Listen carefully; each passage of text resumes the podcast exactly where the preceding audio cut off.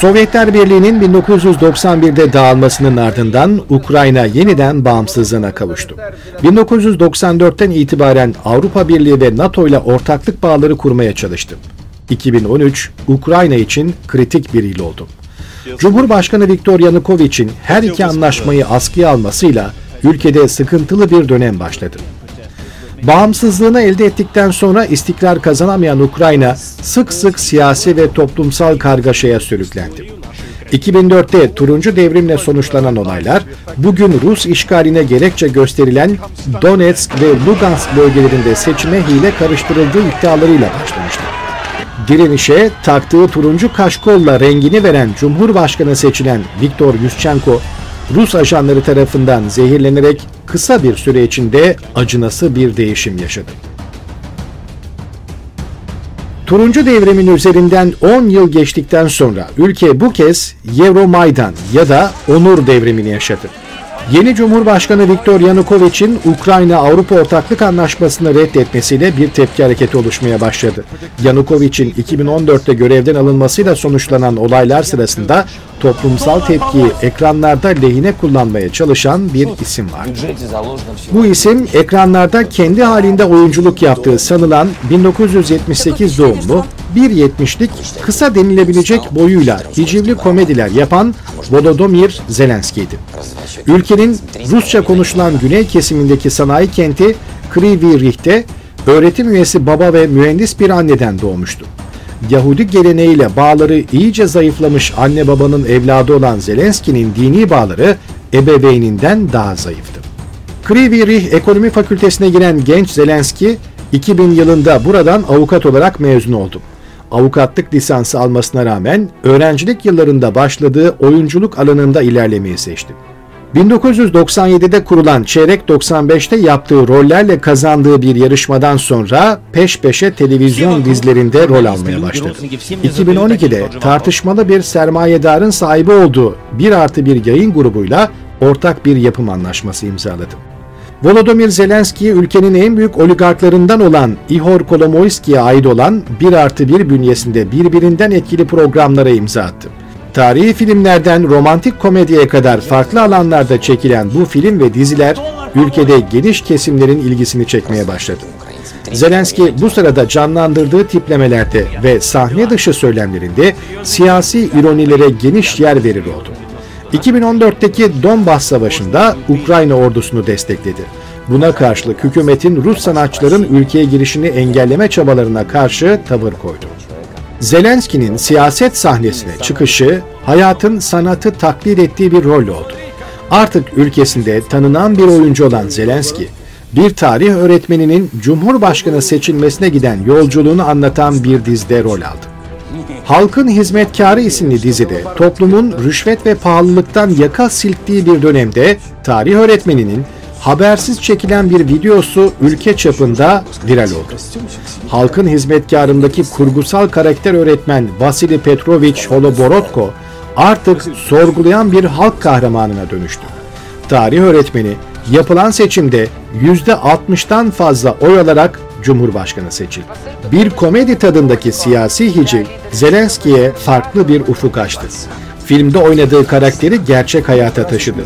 Senarist, oyuncu ve yönetmen olan Volodymyr Zelenski, bu dizideki karakter ve onun verdiği mesajların halkta ciddi bir karşılık bulduğunu görünce, halkın hizmetkarı adını diziden alıp aynı isimle partiye dönüştürdü. Dahası partinin kurucu kadrosu dizinin yapımcı şirketinin çalışanları oldu.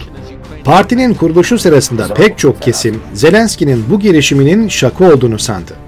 31 Aralık 2018 tarihinde yapılacak Cumhurbaşkanlığı seçiminde aday olduğunu resmen açıkladı.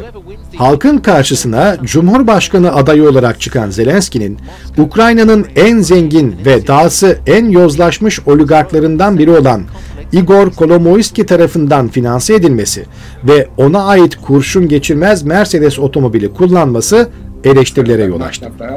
Zelenski başlangıçta kendini finanse eden Kolomoyski'nin kuklası olacağı yolundaki beklentileri tıpkı ana dili Rusça olduğu halde bir Ukrayna milliyetçisine dönüşmesi gibi bu iddiayı da boşa çıkardı. Taze siyasetçi kendisini oligarklara karşı yeniden konumlandırdı. Zelenski 2019 seçim kampanyası sırasında siyasi deneyimi olmamasından dolayı Ukraynalı Donald Trump olarak nitelendirildi. Bir anlamda cehaletini ve acemiliğini erdem haline dönüştürdü. Güçlü bir siyasi görüşü olmadığını açıkça dile getirdi. Avrupa Birliği ve NATO üyeliği sözü dışında vaat yok, hayal kırıklığı yok söylediği birkaç unutulmaz şeyden biriydi. 31 Mart 2019'da 20'den fazla adayın yarıştığı seçimlerde Zelenski ilk turda %30'un biraz üzerinde oy aldı. Rakibi Petro Poroshenko ise %16'da kaldı.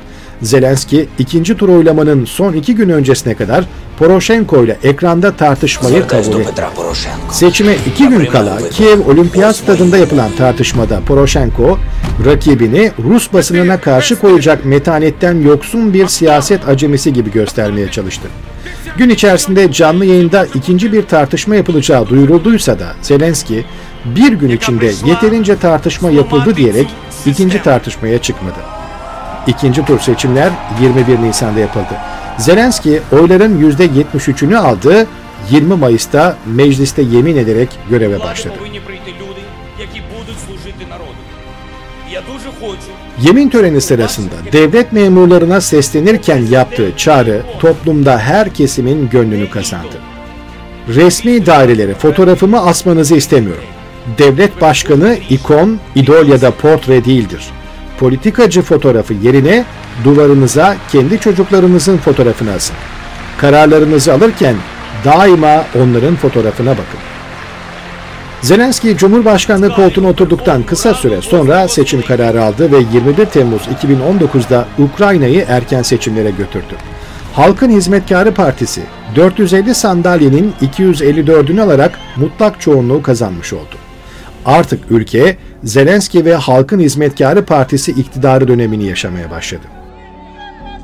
Rusya lideri Vladimir Putin'in Ukrayna üzerine bitmek tükenmek bilmeyen hesapları vardı. Putin, 2014'te Ukrayna'ya bağlı Kırım özerk bölgesini kendi topraklarına ilhak etti. Dünyanın bu adıma cılız tepki vermesi Putin'e sonraki planlarını hayata geçirme yolunda cesaret verdi. Kendini yeni çar olarak gören Putin, Ukrayna'nın Rusça konuşan Donetsk ve Lugansk bölgesindeki ayrılıkçıları tahrik etti. Donbas Savaşı ya da Doğu Ukrayna krizi denilen olaylarda Rusya yanlılarıyla Ukrayna birlikleri arasında 8 yılda 15 binden fazla insan hayatını kaybetti. Zelenski Rusya'ya sınırına asker yığmakla suçladı. Moskova yönetimi Kiev'in provokasyon yaptığını ve bunun Ukrayna'da bir iç savaşa yol açabileceğini öne sürdü. 2021 sonunda Rusya, yörüngesinde hareket eden Belarus'la birlikte çok geniş çaplı bir ortak tatbikata girişti. On binlerce Rus askeri ve zırhlı aracı Ukrayna'nın etrafını doğudan ve kuzeyden sarmış oldu.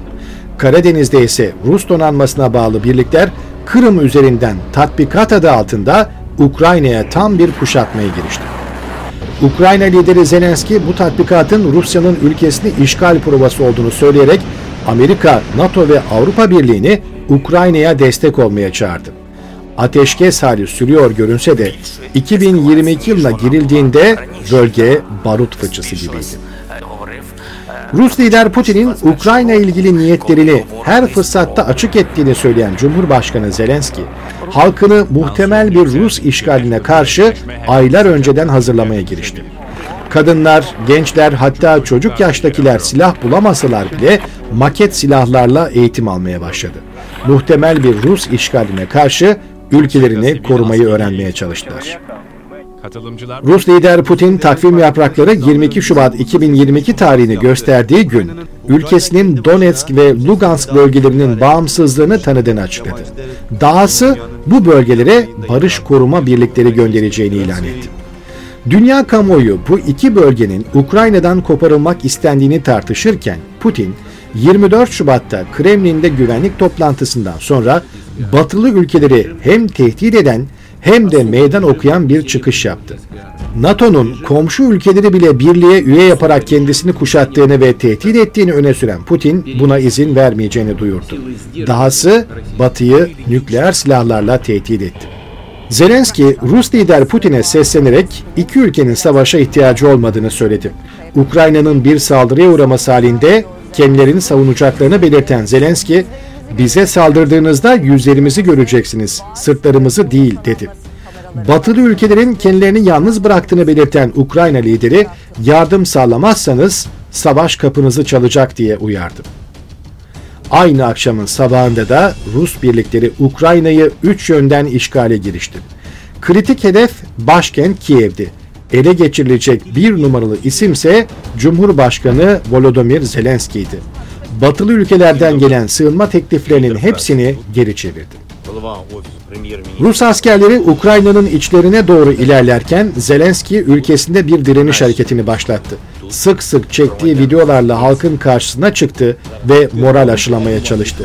Moral videolarını cep telefonuyla kendi kayda alıyordu.